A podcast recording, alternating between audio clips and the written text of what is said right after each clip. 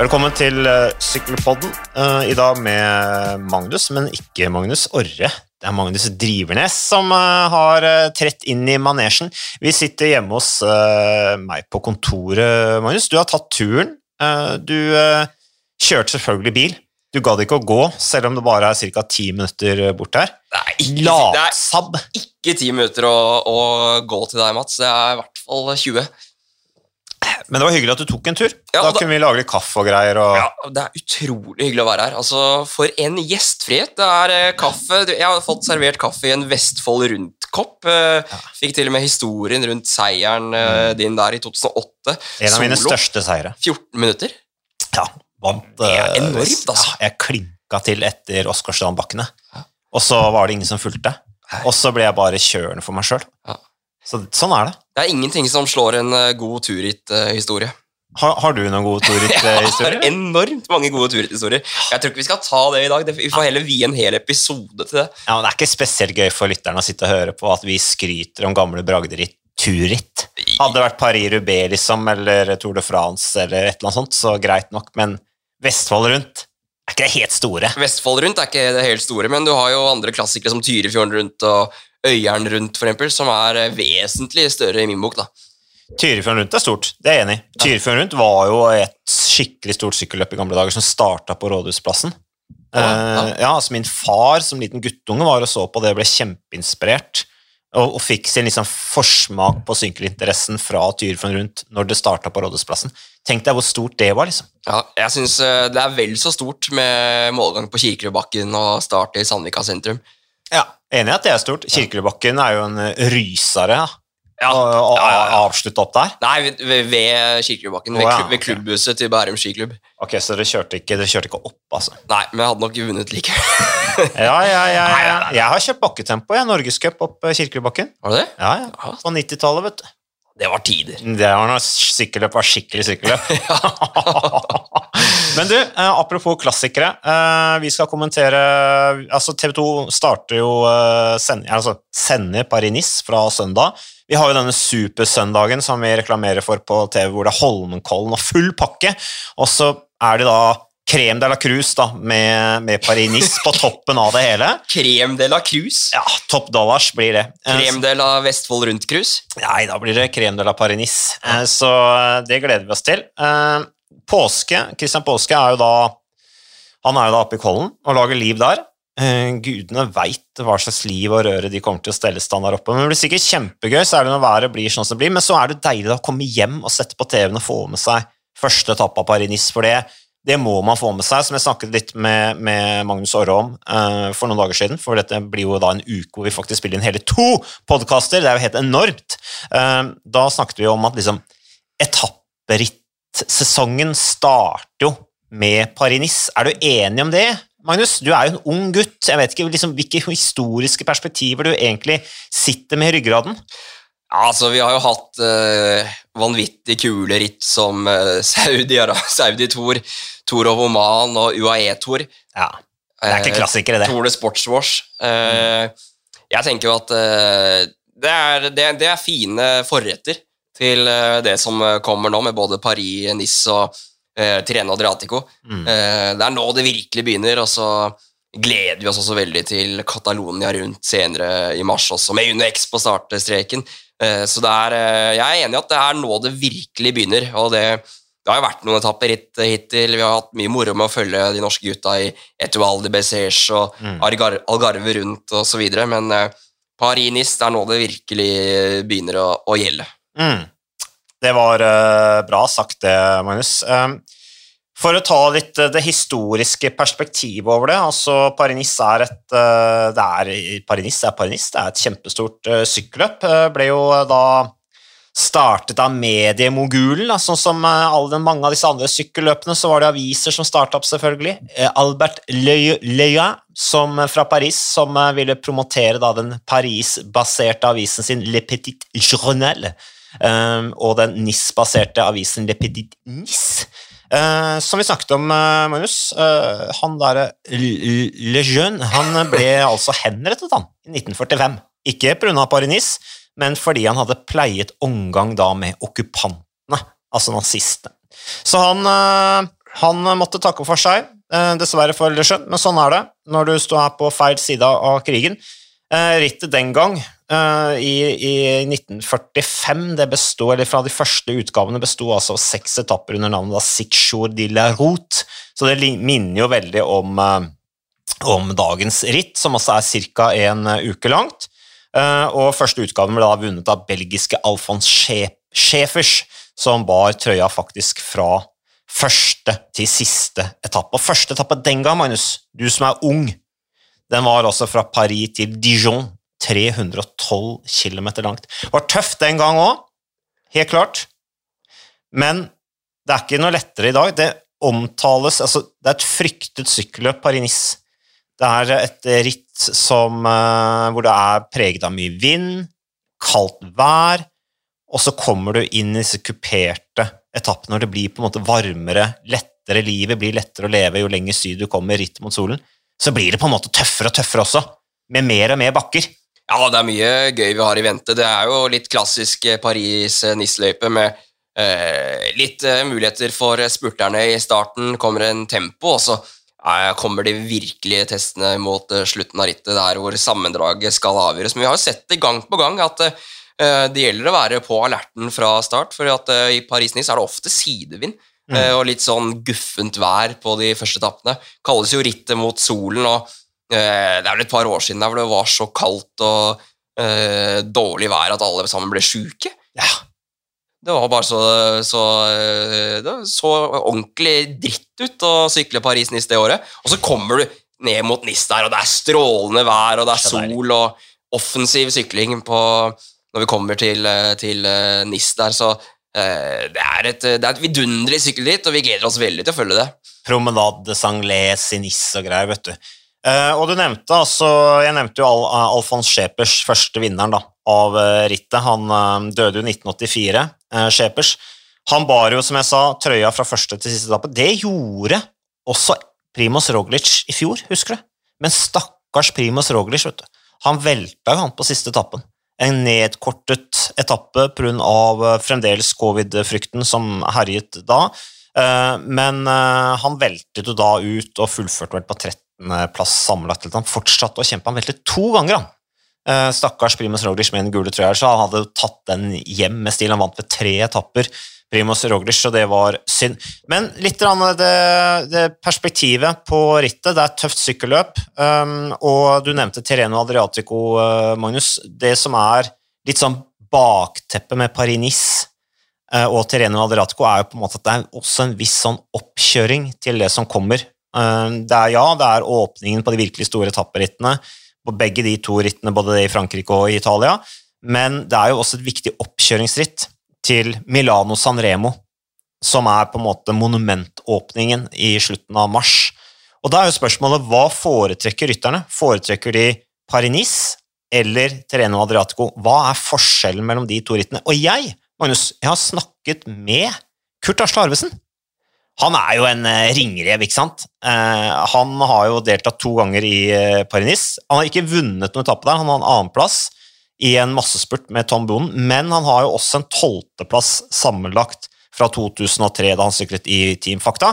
Jeg snakker litt med Kurt om de to rittene. Vi kan høre hva han sier. Kurt Asle Arvesen, du uh, har jo kjørt uh, Paris-Nice uh, to ganger. din debut der i 2003 var jo fantastisk. Da ble du tolv sammenlagt, var bra i fjellet. Og så har du du var jo en uh, allsidig rytter, Kurt. Du uh, spurta jo mot Tom Bonen uh, et år, det andre året du kjørte, men da fullførte du ikke, riktignok. Men poenget det er at Paris-Nice er et krevende sykkelløp. Um, og hva var din opplevelse av det rittet de to gangene du deltok? Det er et brutalt ritt som inneholder Det er jo på mange måter vinterens Tour de France litt kort, eh, kort, versjon. Eh, du har jo alt. Du har jo ofte sidevind, eh, dårlig vær og tøffe, tøffe etapper mot slutten, som jeg husker det. Og de fleste rytterne har jo fått et par etappeløp på baken og det, det, er alltid tøff kamp om å, å, å, å ta den. Det siste året jeg kjørte, da vant vi med, med, med Bobby Julik. Så, så, så det, det er prestisjefullt eh, ritt, eh, absolutt. Og så går det jo parallelt da med italienske Tirena Adriatico. Mm. Før var det jo litt sånn i gamle dager, eh, så var det jo litt sånn Rytterne stilte opp der som første, første konkurranse for året og brukte til å komme i gang. Liksom, sånn, sånn, er det ikke lenger. Men Kurt, du nevnte Tireno Adriatico. Det er jo blitt litt sånn to fronter på samme, samme tid. Begge en del av rytterne, både i Paris-Nice og Tireno, har jo målsetning om å komme i form til klassikerne, særlig kanskje uh, Milano San Remo. Uh, hvilke ritt foretrakk du, sånn rent smaksmessig? Du hadde jo en forkjærlighet for Italia, så noe sier meg at det var kanskje Tireno du likte best? Ja, det var jo ofte det at de største klassikerrytterne de valgte, valgte Tireno Adriatico. det var litt andre type tapper. Uh, selv om det også er jo et uh, kjempebrutalt ritt. Uh, litt kortere stigninger. og ofte også Italia er jo i alle sammenhenger litt uforutsigbart med, med, med tøffe etapper i starten. og Det er jo samme gjenspeiler i, i Giro d'Italia i forhold til Tour de France, sånn som det var. i hvert fall. Mm. de største Det er jo den siste kan du si, det etappeløpet der du der du kan justere formen inn mot de aller største klassikerne. Eh, som, som, nevnt så har de fleste nå kjørt én en eller to eller tre etappeløp. Eh, det var mange, i min tid i hvert fall, som kom inn i Tirena Adriatico litt, eh, et par kilo litt for tung og, og kom ut av det som en, som en rakett. Eh, og de fleste som vant eh, kom jo fra Tirena Adriatico nå i senere tida. Så har vi jo, har vi mange unntak der. Eh, som Matt, Matt Goss, f.eks., som, som kom fra Paris-Nice og vant eh, mm. eh, San Remo. Men eh, Kurt, eh, bare sånn uh, Terreno, Paris-Nice uh, Terreno var litt sånn min, min, oppfatning tidligere var at, eller sånn som det ble oppfattet tidligere, var at Terreno var mye mer sånn kontrollert. Du kjørte litt sånn italienske stilen, at du ja, stakk, Den stakk et par kar av gårde, og så kjørte man veldig kontrollert til det var igjen fem-seks mil, og så var det full gass. Mens Paris-Nice var på en måte kaos fra fra første tråkk, eh, med all sidevinden og alt opp og ned, og alle disse der fra uforutsigbare franskmennene som er kjempemotivert. Er det, har det vært litt ditt inntrykk også, at det har vært sånn? Ja. ja, definitivt. Eh, spesielt så lenge Schipolini var i feltet, så var det jo mye mer kontrollert i Tirena. Men etterpå, det hang jo igjen den der, de der uskrevne reglene der i Tirena i mange år. Mens eh, nå tror jeg det er, er forandra seg helt. Nå er det jo et par år siden jeg har vært trener, men jeg har jo fulgt med på TV. Det er nok, eh, det er nok litt mer anarki over det hele nå. Så eh, jeg vet ikke hva som er best å kjøre nå. Du må nok se litt på løypeprofilene og løypene. Ja. ja. men Det blir spennende å følge med på, Kurt. Så får dere ha lykke til videre med satsinga i UnoX også. Takk for praten. Takk. Ja, takk til Kurt, som tok seg tid til en liten Paris-prat. Så uh, litt forskjellen om uh, Terreno og uh, Paris-Nice. vi sender ikke Treno, vi sender Paris-Nice. Det blir spennende. Første etappe, Magnus, hvor du skal være da du skal være da vikar for Christian Påske. Du skal lede den sendinga, så da er vi enige om at jeg skal bare lene meg på deg der. Den går altså til Mant la Ville. Det er jo da bare Mant, byen Mant.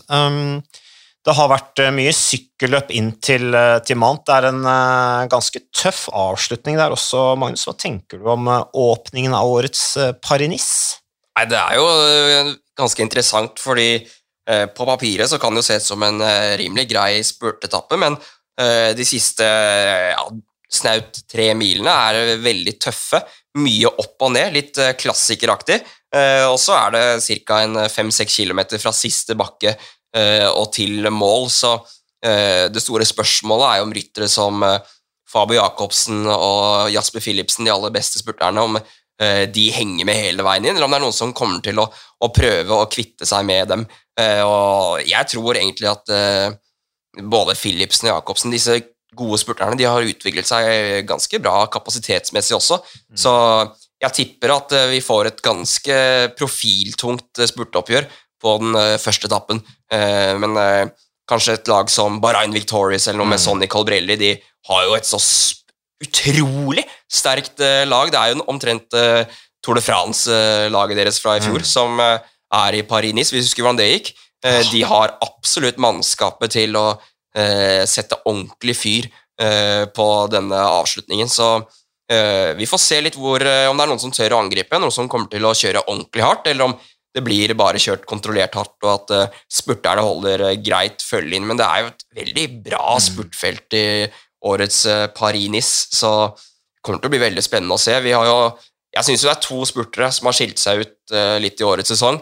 Det er jo Jasper Philipsen Mm. og Fabio Jacobsen, som har måtte herja litt på hver sine arenaer. Fabio Jacobsen har jo vunnet nesten alt han har stilt opp i. Det er vel én massespurt han ikke har vunnet, Mm. uh, hvor han har uh, deltatt i. Eh, mens Philipsen var den beste spurteren i UAE-tour. Eh, nå barker de to gutta sammen for første gang i, årets sesong. Mm. Jeg syns Fabio Jacobsen virker eh, omtrent helt uslåelig. Men, ja, du mener det, ja. ja, Mm. men og i hvert fall han har mørke rundt seg, har et utrolig bra spurtelag rundt seg, godeste Fabio Jacobsen.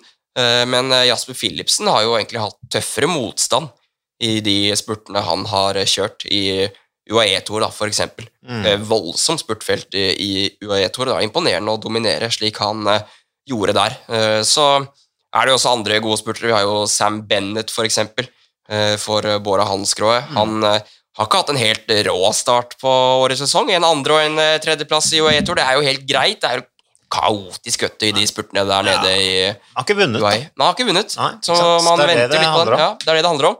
Uh, så han er nok ivrig på å, å slå de to gutta. Så Wout van han er jo alltid å regne med eh, for en eh, sesongstart han hadde i omlopp. Ja, Han kunne, lekende lett. kunne vunnet den spurten som bare det. Er- han trenger jo ikke å angripe. Nei, men han hadde lyst til det, tror jeg. Liksom prøve det. Ja. Han syns det er gøy å veksle på. Det er litt kjedelig å bare vinne i spurt. ja.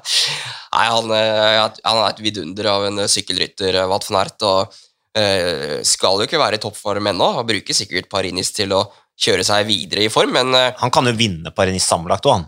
ja, Hvis han vil gå for det. ja, de har jo også Primoz Roglic, og han tror jeg er veldig revansjelysten. Og så Ja. får vi jo se hvordan uh, Wout van Aert responderer i opp Col de Turini, eksempel. De skal jo opp, der er vel 15 km, 7,5% i snitt, eller et eller annet. og Mm. Ja, van Ert han har overraska før også, men i konkurranse med Nairo Quintana og Primoz Roglic på eget lag og sjakkmann som er Paris-Nice-ekspert osv., så, videre, så skal det vel kanskje bli litt uh, for tungt for Wout. Kanskje han er en sånn luksushjelperytter som Ja, vinner et par, tre, fire etapper i, i tillegg. tror, altså, Magnus, når du er inne på det her, eh, jeg bare sitter her og ser på lagoppstillinga til Jumbo Visma. Primoz Roglic har du nevnt, han er jo kapteinen. Eh, ville vunnet i fjor, hvor han kjørte sin første utgave av rittet. Veltet dessverre ut, men hadde allikevel stor suksess. Eh, veltet jo også ut av Tour de France. Hadde, det går ikke alltid på skinner for Primus Roglic. Det er også en av grunnene til at Primus Roglic er såpass populær som det han er. Han er en fighter. han Tross uflaks, tross uhell osv., så, videre, så så er han på en måte å stå med ryggen rak, klager ikke, syter ikke, eh, kommer tilbake sterk, sånn som han gjorde etter Tour de France, som han vant eh, OL i tempo. Men se på det laget. altså Primus Roglic, Wout van Aert, Robert Hasink, Steven Kreuzberg, Sepp Kuss, Tony Martin, Mike Tøynissen og Jonas Vingegård. Formsterke Jonas Vingegård. Pallen i fjorårets Tour de France i sin første utgave. Det ser ut som det er Tour de France-laget deres, da. Ja, det virker utrolig sterkt, det laget til Jumbo Visma. De er jo eh, på en måte den nye stormakten. Eh, UAE kommer jo også blitt eh, mye sterkere, men de Pogacar og, og den gjengen kjører jo ikke her. Eh, men eh, ja, Jumbo Visma, en, eh, et vanvittig sterkt lag, og de eh, Det er vel ikke helt bekreftet hvem som skal kjøre ennå, men hvis det er de gutta som kjører der, så er det jo ja, da har Primoz Roglic kan, kan, han kan, kan ikke skylde på laget, i hvert fall hvis han eh, ikke vinner eh, årets eh, Paris-Nice. Nå sa, jeg, eh, nå sa jeg litt feil, da, for jeg sa Tony Martin. Men eh, jeg mente Rowan Dennis, Christoph Laporte, Primoz Roglic, Mike Tønissen, Walf van Ert, Nathan van Hooydonk og, og, og, og Primoz Roglic. Jeg så litt feil her. Men ok, eh, du så, for jeg, ja, for jeg, jeg- jeg, bare lurte jeg så på, en Tour de annen eh, France-oppstillinga fra i fjor. ja, ok, da, da er det ikke rart, for jeg, altså, jeg så på en annen liste og tenkte jeg, Det er ikke bekreftet ennå, så kanskje du brukte en annen kilde enn meg, men da er vi jo nei. enige om at eh, Tony Martin. du som surrer det til. Ja, nei, så, men Rowan Dennis, Steven Kreuzberg, det ser fremdeles ut som Tour de France-laget. Eh, og Laporte også hevdet seg jo toppen i, i fjor på enkelte etapper. Så um, ellers uh, eh, videre av sammenlagtryttet Du har nevnt Bahrain Victorious, som har et råsterkt lag med Jack Hague blant annet, og Gino Meder. Vi husker jo Gino Meder i fjor som ble tatt igjen på målstreken av Primus Roglic. på. Hjerteskjær! Ah, altså fikk jo, eh, Roglic fikk jo kritikk, ikke sant? men han gjorde bare det han skulle gjøre, nemlig det, vinne. er, det er så teit. Ja, og han skulle ha bonussekunder og sånne ting. Um, Valpols, Luis Leon Sanchez, gamle spanjolen, som kommer fra Stana. Dylan Tøyns, råtassen fra Belgia, som eh, har vunnet opp La Planche de Belfi, et fantastisk lag.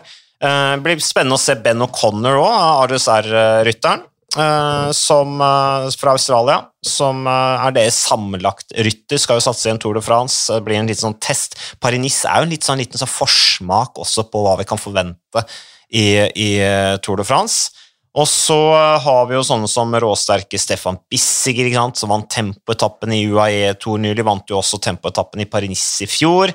Um, når det gjelder Bore Hansgrohe, så har du nevnt Sam Bennett. de har Aleksandr Vlasov, russeren som ble to sammenlagt i fjor. Vlasov som uh, som jo det er litt spennende med, Vi snakket om dette her med, med Magnus Aare og jeg for noen dager siden om russerne kommer til å bli utestengt fra, fra sykkelrittene. De blir ikke det. Eh, UCI hadde jo nå kommet ut med en uttalelse med en ganske lang oppskrift hvordan de hadde tenkt å løse dette her, og da var, uh, var uh, russiske utøvere kunne kjøre for sine utenlandske profflag, men det er ikke lov å vise fram russiske og hviterussiske flagg, så de må da kjøre under noen nøytrale løsninger. Og så da, Dermed så kan Aleksandr Vlasov altså kjøre for bordet hans, og det har noe med å uh, altså Disse profflagene som har signert disse rytterne, bruker penger på dem osv., at de da ikke skal på en måte ha kastet penger ut av vinduet, da, at de skal straffes for det. Så um, Ellers Almeida kjører for UAE Emirates. Uh, Molano er en god spurter, vi trenger ikke å ta alt som er, men, men uh, ja. Hva skulle du si? Nei, skulle, når du nevnte Almeida og UAE, så er det jo kanskje en uh, på det laget som er en enda større favoritt enn Almeida, og det er selvfølgelig Brandon McNulty, som har hatt en helt vanvittig sesongstart. Vi husker hvordan han kjørte i OL i fjor var eh, nære på å ta medalje der, kjørte strålende offensivt. Eh, han eh, har jo kjørt helt vidunderlig i årets sesong, med to meget sterke soloseiere i Fon Ardèche og på Mallorca i sesongåpningen der. Virker å være i meget bra form. Nummer to i Algarve rundt, kun slått av en suveren Remco Evenepool. Nå får han på en måte muligheten litt til å ja, kjempe mot enda bedre ryttere over enda lengre tid. Ja. Eh, og veldig spent på hvordan han takler den utfordringen. Han virker å være i ekstremt bra form, mm. og nå får han kanskje litt annet press på seg. Åh, Fyller på med litt kaffe. Ja, det er så deilig, Vi kan ikke altså. bare sitte og prate, vi må drikke litt kaffe òg. Ja, det er deilig, det. Vi er jo litt sånn, selv om vi er pensjonerte syklister, koffein må vi ha. Koffein må vi absolutt ha. Sentralstimulerende midler, det, det, må vi bare ha. ja, ingen tvil om det. Men uh, spennende med Brandon McNulty, altså amerikaneren i UA Emirates. Han er jo rå på disse solobruddene sine, enten det er med eller uten wattmåler. Uh, så Ellers så hadde de jo De kjørte jo dette her uh, Trofeo La Gueglia i går. de tre første plassene der. UAE liksom fremstår jo som et lag som virkelig før hadde disse store lagene som brukte mye penger, men som ikke fikk all verdens ut av investeringene sine, men det ser ut som et lag som både investerer mye penger og får resultater tilbake. Ja, de har virkelig fått eh, fart på sakene, og det, var, det er det gøy at du tar opp det rittet som var i går, da, Trofeo La Igueglia. Eh, for eh, det var jo ikke Selv om de tok tredobbelt seier, skulle man tro at taktikken da må ha vært vanvittig bra, mm. men det var jo mye rart. For det var Alessandro Covi eh, har hatt en meget bra sesongstart, han også, og Juan Ayoso, de to eh, supertalentene hos eh, UAE. Eh, de lå sammen foran med Lorenzo Rota, en nydelig syklist mm. fra Intermarché Vanti. Eh, og så lå Covi Han angrep. Eh, Ayoso kjørte da inn Covi, mm. og så var de da tre stykker. Og så begynte de å lure på hverandre, og da kom Jan Pålanch bakfra han hadde med seg Oscar Rodriguez fra Inios, mm. og da gikk Jan Pålands kontra med en gang. Og da vant jo han. Men hadde da f.eks. Oscar Rodriguez klart å holde følge med det angrepet der, så hadde det plutselig kunne endt opp eh, sånn som Quickstep i, i omlopp et newsblad da, i en standard eh, utmanøvrerte de fire quickstep-rytterne.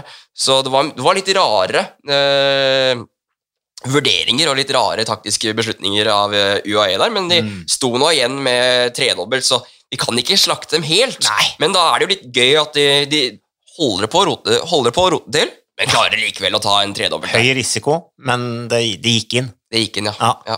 Så ellers, eh, KV er en utrolig interessant eh, rytter. Har jo også kjørt fantastisk i år, syns jeg. eh, Unge italieneren som er født i 1998. Um, Og vet du hva jeg liker med han? Nei, Nei, det vet jeg ikke. Han er jo rå til å angripe, da. Ja, og han, han har den derre bakkespurten. Ja. Det, det, er, det er ryttere etter mitt hjerte. De som, eh, de som eh, kommer inn i sånne bakkeavslutninger på en kilometer, halvannen, to kilometer, og bare klinker Mm. til. Det er sånn jeg likte å gjøre det i mine glansdager på, på turritt. ja. Men eh, Tyrefuren rundt. ty- Ja, det var ikke, var ikke bakkeavslutning der, men det var øyeren rundt. Ja, ikke sant? ja. Eh, men uh, Kovi, og så har du også en, en annen jeg liker veldig godt, det er Gonzalo Serrano på Mm. Movistar. Han er også litt lignende type, bare litt dårligere. Serrano-skinka. ja, Han er rå, altså. Jeg tror ikke han skal være med i Paris neste gang. Ja, ikke ikke Kowi heller. Da. Nei. Vi husker Ruta de Sol i år, eh, da han vant eh, den her eh, andre etappen. Eh, Holdt jo på å vinne første etappen også, men det var jo på bakkeavslutning.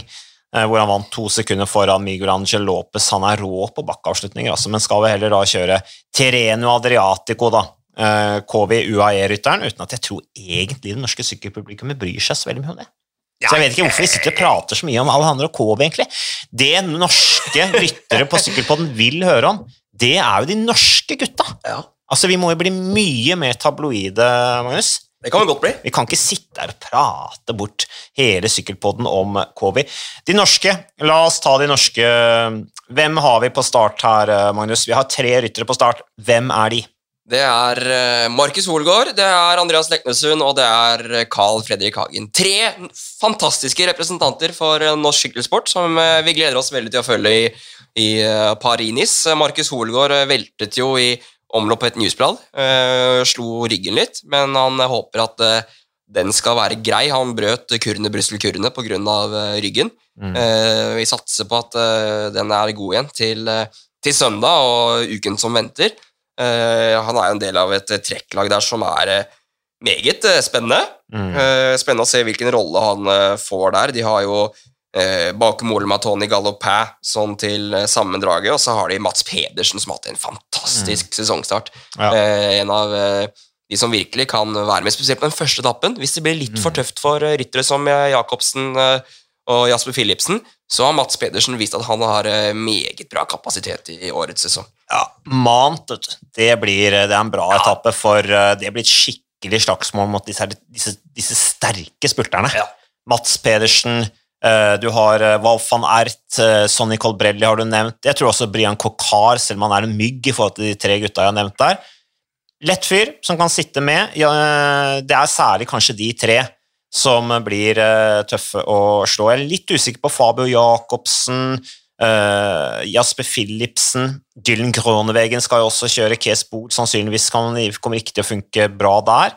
Men eh, se opp for særlig disse tre første som vi nevnte. Det er Mats Pedersen, um, uh, Walf van Ert og, uh, og da Sonny Colbrelli, som eh, blir eh, farlige ryttere på denne her Mant-etappen som eh, Jo, det hagler med småbakker eh, inne i disse smårundene som de, eller smårunden som de skal inn i da på slutten. Og så er det litt flatere på etappe to, litt lettere etappe til Orléans, eh, som jo er eh, rett i nærheten av fødestedet til Jeanne d'Arc. Oi! Frihets... eh, 16 år gamle jenta vet du, som offensivt bare red inn, eh, fullstendig fryktløs, og møtte disse engelske troppene for å jage de vekk, og skapte en voldsom entusiasme og begeistring blant eh, franskmenn som trodde de var slått, som kjempet for kronen til denne, eller kronprinsen som var i ferd med å miste kronen. Men så kom Jeanne d'Arc og eh, ordna det for han, men han snudde Jeanne d'Arc ryggen og svikta henne så ble hun til slutt torturert og brent på bålet.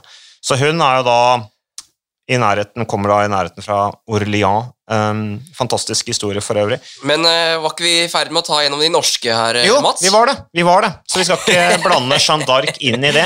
Men uh, hvor var vi kommet? Vi var, du var ferdig med Holgård? Ja. Uh, neste vi kan ta, er jo Carl Fredrik Hagen ja. på Israel. Det blir veldig spennende å se hva han kan få til i, i Paris-Nice. Har ikke kjørt all verdens med rittet og kjørte Tour de Provence, godeste Carl Fredrik Hagen. ingen av de største stjernene, vel, som er med fra Israel Startup Nation. Ingen, ingen fuglesang, ingen Michael Woods. Det... Men er ikke det litt fint, da? Det var det som var poenget mitt her, Mats. Ja. Det er så vidunderlig. Ja. Da kan vi få kanskje en offensiv Carl Fredrik Hagen, en, en, eh, en angrepsvillig eh, oppegåing som mm. Eh, bare er fryktløs. Mm. Slipp Kalle fri. Ja.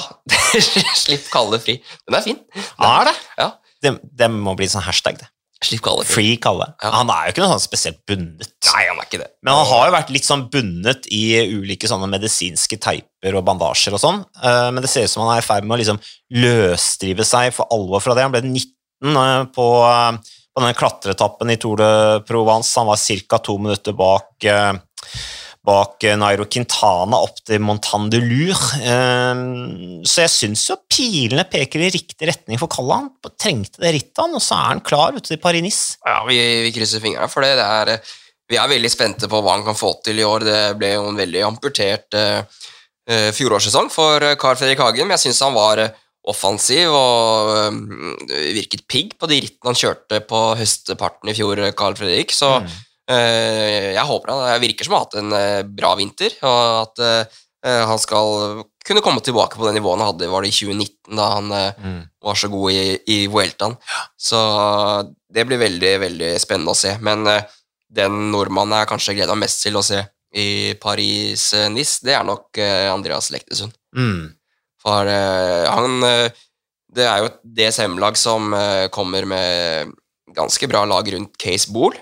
Ja. Uh, og det virker jo da som at uh, Men det er mye usikkerhet rundt Case Bool. Ja, altså, han altså, har jo ikke én topp 20-plass i år. Nei, og de, jeg syns egentlig spurterne til DSM har vært uh, svake i år. Både Dainese og Case Bool har ikke klart å levere noe voldsomt. De har nok mye større forhåpninger til de to gutta enn det de har klart å, å vise. Men fordelen da, med at de kommer med et ganske spurttungt lag, er jo at Andreas Leknesund får frie tøyler og får muligheten til å, å kjøre for egne sjanser. Eh, jeg mener at eh, han er i, i bra form. Det så, det så vi i UAE-tor, spesielt på den første fjelletappen. Mm. Hang han bra med, han var offensiv, fulgte en del angrep, eh, kjørte meget bra. Mangla litt på den siste kilometeren da det virkelig dro til, men jeg tenker at det kanskje har litt med at han kjørte såpass offensivt også. Mm. Fikk det litt tøft med 4-5 km igjen på den siste fjelletappen der. Men uh, han kjørte en bra tempo. det var Han tok noen saftige føringer i spurtopptrekkene for mm. Case Bool også. Mm. Så er, jeg syns det er mye som tyder på at Leknesund er i mye bedre form enn han var på samme tidspunkt i fjor. Mm. og i hans utvikling da, som, som rytter Hvis han skal gå veien og bli en god sammenlagtrytter, så er på en måte disse ukesrittene det er på en måte en fantastisk utviklingsarena. En viktig utviklingsarena for Leknesund. Vi så det i Sveits rundt i fjor. Ja. Det var jo så gøy å følge. Glitrende form. Ja. Og den måten han kjørte den siste etappen på, selv om han uh, kjørte i ungdomstrøya og han uh, hadde en respektabel sammenlagtplassering Han var fryktløs, han angrep. Ja. Så var det liksom noen lag som skulle forsvare noen syvende- og åttendeplasser, og det var litt motvind sånn, som gjorde at det ikke gikk helt veien.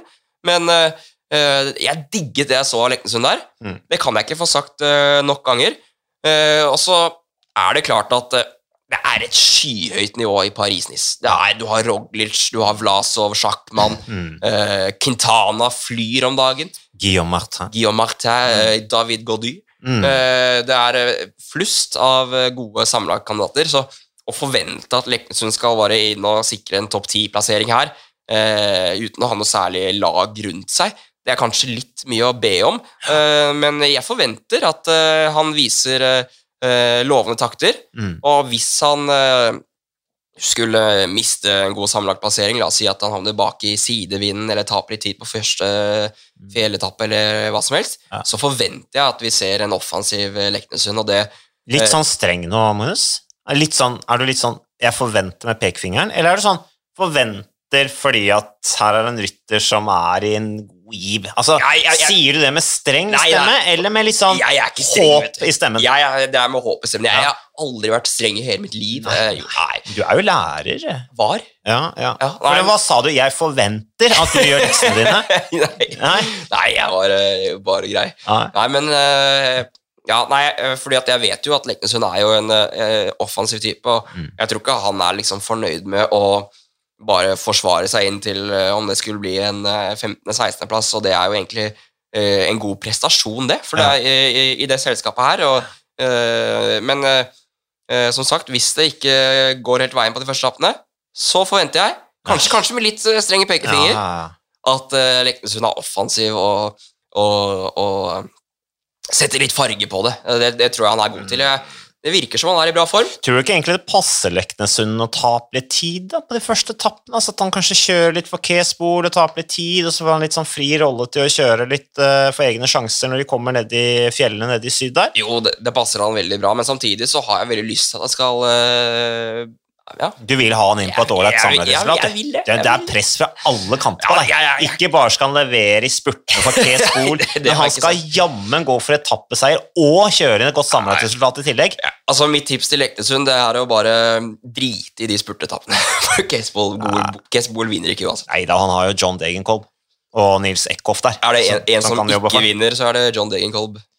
Ja, jeg, jeg, tenkte også, som opptrekker for Kesbol. Ja. Ja, nei, det er spennende å se, men uh, du nevnte tempoen i UAE, den var lovende, Uh, og vi har jo snakket med Andreas Leknesund i forkant av uh, Paris-Nice. Vi kan jo høre hva Andreas selv sier om, om forventningene til, til rittet. Andreas Leknesund, du er hjemme og restituerer deg litt etter øh, UAE-tour, øh, hvor du for øvrig syklet øh, bra. Hvordan er øh, formen tidlig på sesongen? Eh, formen er god, den. Eh, ganske, ganske gode svar det jeg fikk i UAE. Så foreløpig så er jeg veldig positiv til eh, starten på året. Du eh, skal nå til start i eh, Paris-Nice. Eh, Det er et tradisjonsrikt og stort etapperitt. Hvordan ser du frem til det? Det ser jeg selvfølgelig frem til. Det blir et, det er et, som du sier, et stort, solid ritt. Så um, det er noe jeg ser frem til. Som, som jeg så i UAE, så føler jeg meg ganske bra om dagen. Så jeg håper jo at jeg skal kunne komme dit og hvert fall få til et eller annet. Hva er ambisjonene til, eh, til laget og, og dine personlige ambisjoner i, i Paris-Nice? Uh, ja, det er jo litt sånn ehm, Det får vi jo ta litt sånn som det kommer, tror jeg. Uh, men det er jo sånn der jeg tenker enkeltetapper først og fremst. For vi har vel et lag som gjerne kan egne seg best for akkurat det. Og mine personlige ambisjoner er jo selvfølgelig å ta del i det. Og eh, så ønsker jeg å eh, ja, ta videre den godfølelsen fra, fra UAE, og så eh, håpe at jeg kan ja, kanskje gjøre mitt, mitt beste ritt. Du ser jo ut som du var inne på lagoppstillinga der, Andreas, med Bohl, Degenkolb, Kolb, Dens Eckhoff, Krag Andersen og Kevin Fermerke. Du ser jo litt ut som en mann som kanskje skal kunne få litt fri rolle med tanke på et eh, brukbart sammenlagt resultat. Hva tenker du om det? Ja, eh, det stemmer jo. Eh, og det kommer jeg nok også til å få. At ja, i, på de hardeste etappene så er det nok ikke Ja, jeg kan i hvert fall håpe at jeg er, er med en stund. Så ja, jeg kommer til å få få fri rolle, eh, og så får vi jo se, eh, litt som jeg sier, om, om det betyr at jeg skal sikte meg inn på sammendraget, eller om jeg heller skal ta ta litt sånn etappevis, det får man jo se. Det kommer jo, kommer jo litt an på formen og hvordan de første dagene der går. Mm. Har du sett noe på løypeprofilen eh, enda, eller? Nei. Nei. Du er litt som Edvard Boasson Hage, men eh, når er det liksom Hvordan er det du sånn mentalt sett går inn i et sånt ritt, eh, Andreas? Eh, Når er du en sånn fyr som begynner tidlig, og det er du åpenbart ikke, for det begynner jo allerede på søndag, men, men når begynner du å se på løypa?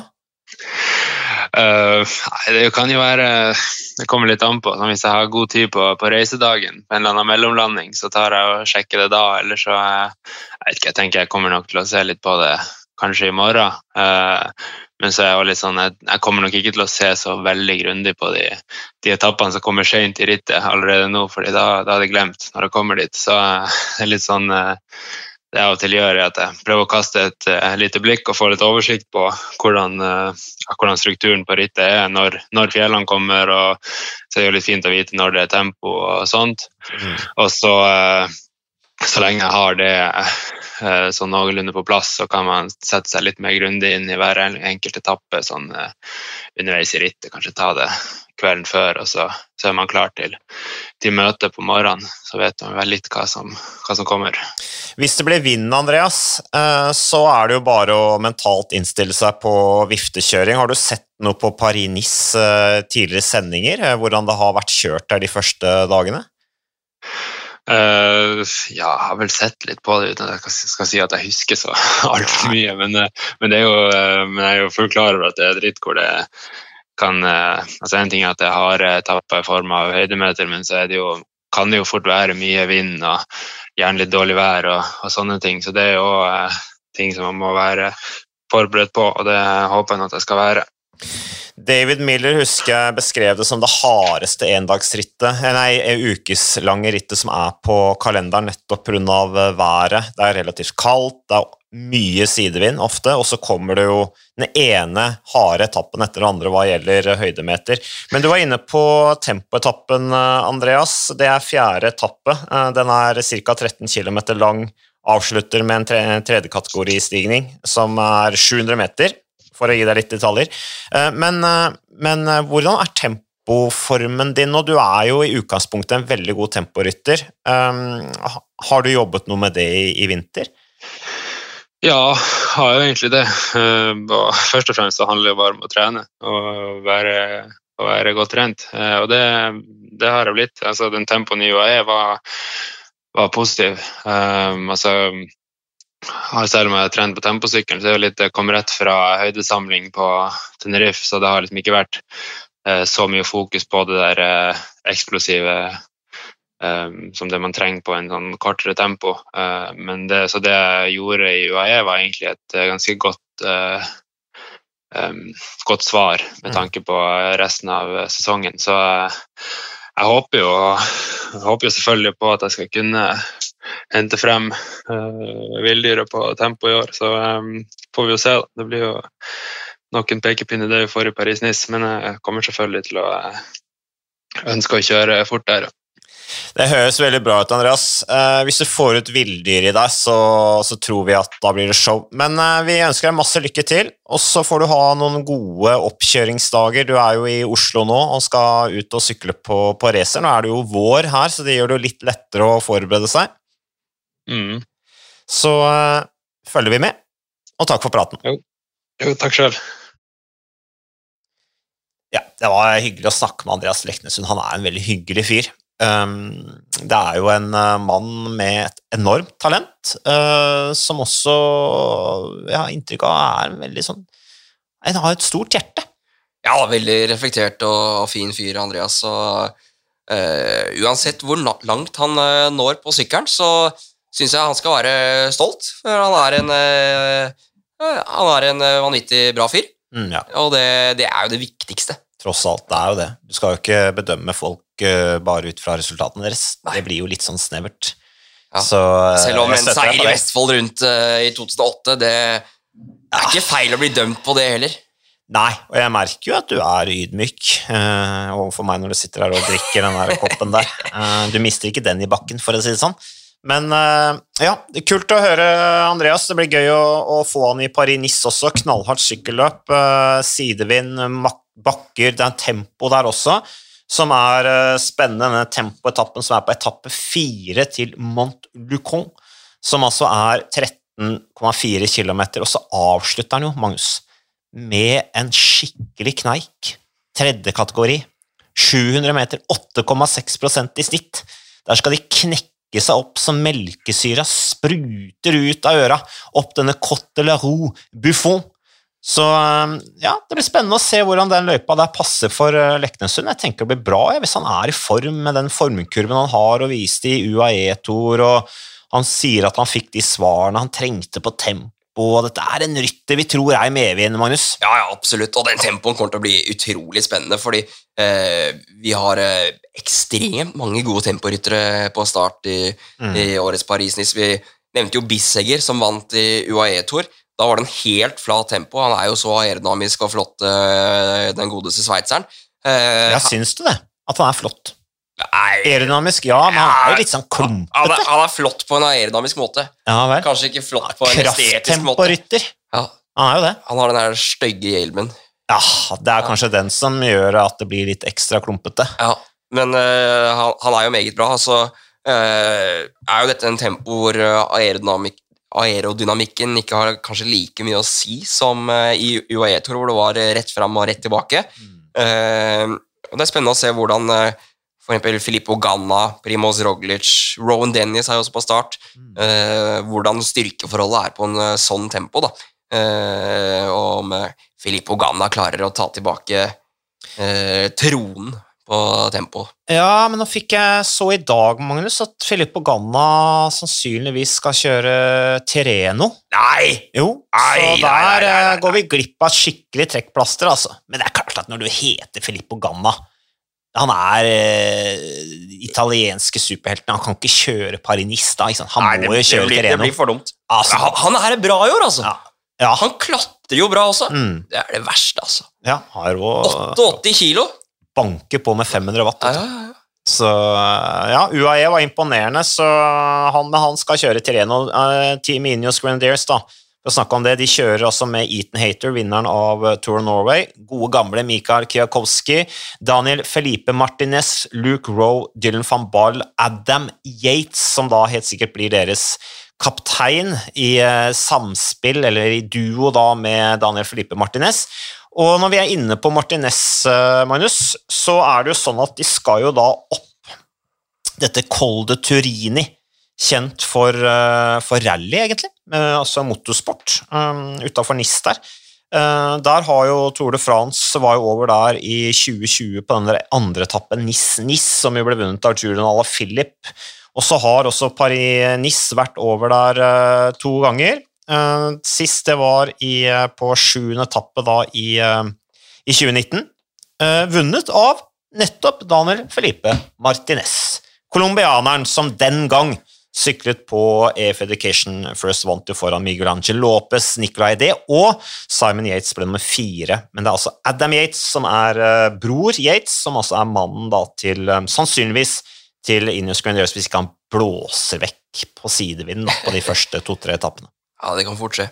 Det kan Nei. Det blir bra bat batalje opp uh, Col de Turini, det gleder jeg meg veldig til. Uh, og så er det jo også mange andre kule etapper med mye bakker underveis og litt, uh, litt lettere avslutning, kan man si det på den måten.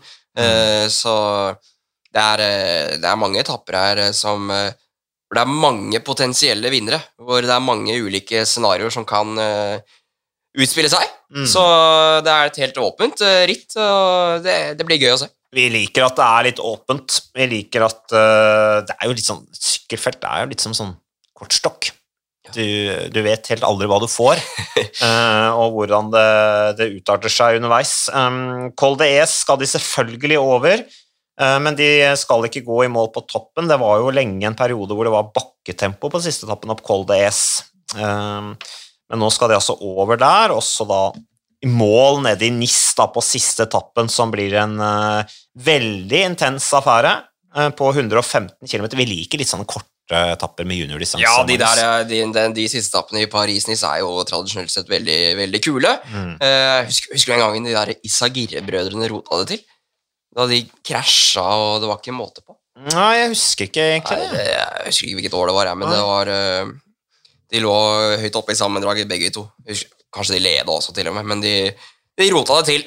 Sånt skjer. Sånt skjer. Men uh, Magnus, uh, hvem er uh, Har vi blitt enige om hvem som er storfavoritten, eller? Jeg vil trekke fram Primas Primoz Roglic. Det er, kommer ikke utenom det. Nei. Rett og slett. Og så har han jo Wout van Ert som kan redde han overalt. Så Primoz Roglic tror jeg vinner dette her.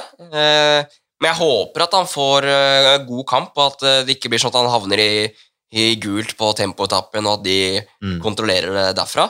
Eh, Det er jo kamp, da, Magnus. Det blir jo kamp i Paris-Nice, for det er denne kampen i sidevinden. Men der har jo Jumbo Visma et fantastisk bra lag, egentlig. Eh, Men det er jo hver dag er en kamp i Paris-Nice.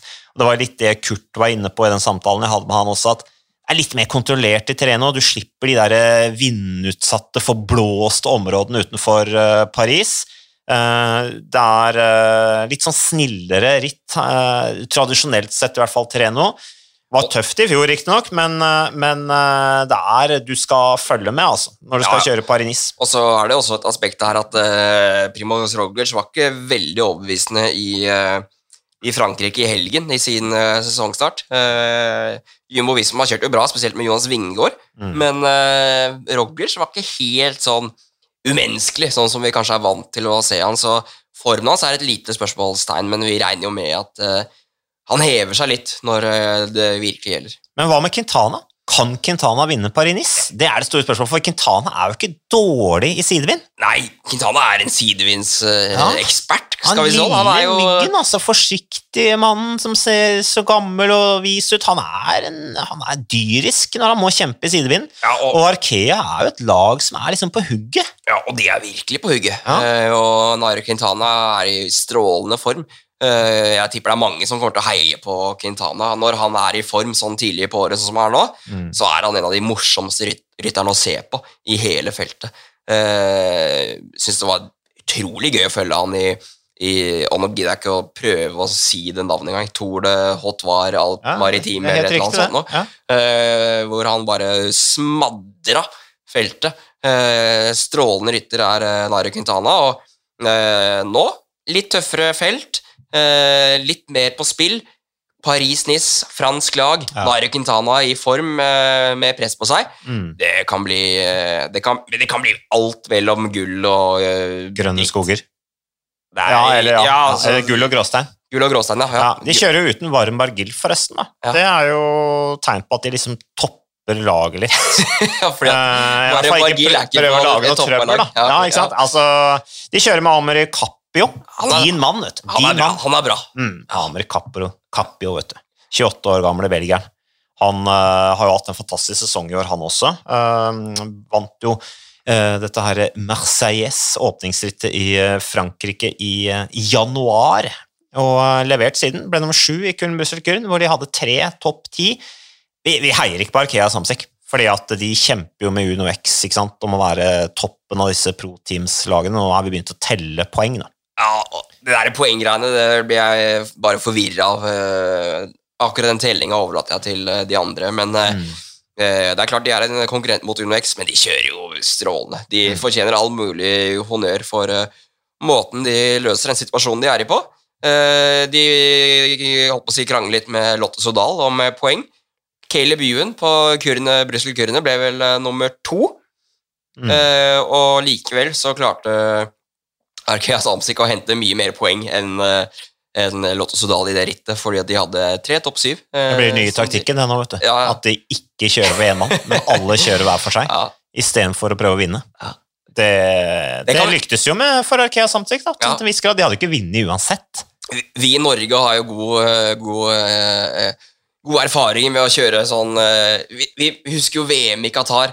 Eg- Egentlig så var Kristoffer Baashagen De var forut sin tid Ja. og kjørte for poeng i, i VM der. Eh, Vår taktikk. de altså. fortjener egentlig hylles de, for måten de løste det på. Ja, de gjorde det. Så nei, men det er masse å glede seg til med Paris-Nice. Jeg vet ikke om det er noe mer vi skal si om den saken der da, Magnus. Er det noe mer du har på hjertet da, eller er det noen nyheter som vi bør nevne når vi første gang? da hadde jo en nyhetsgjennomgang for øvrig da, for noen dager siden med Orre.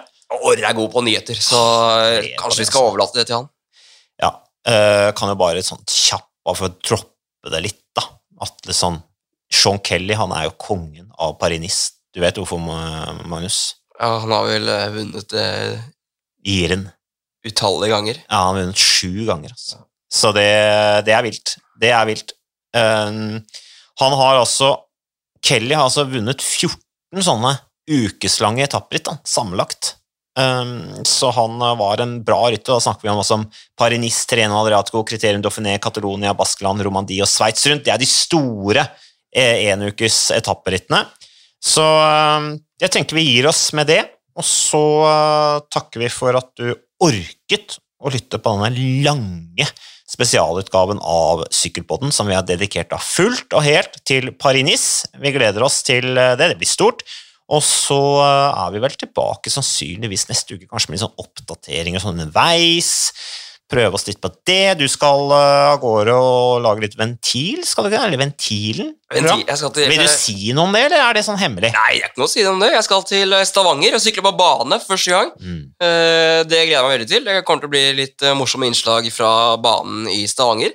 Eh, Jeg skal dit neste uke. Gleder meg som bare det. det er, Som en unge? eh, Ja.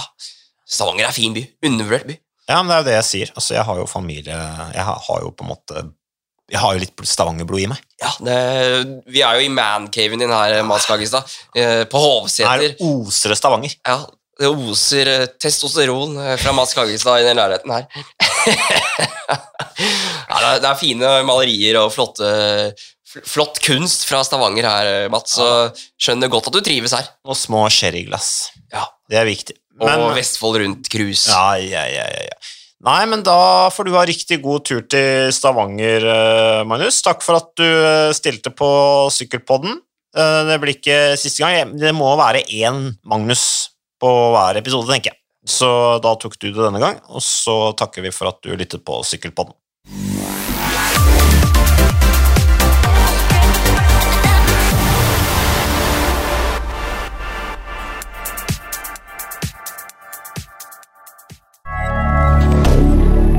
Moderne media.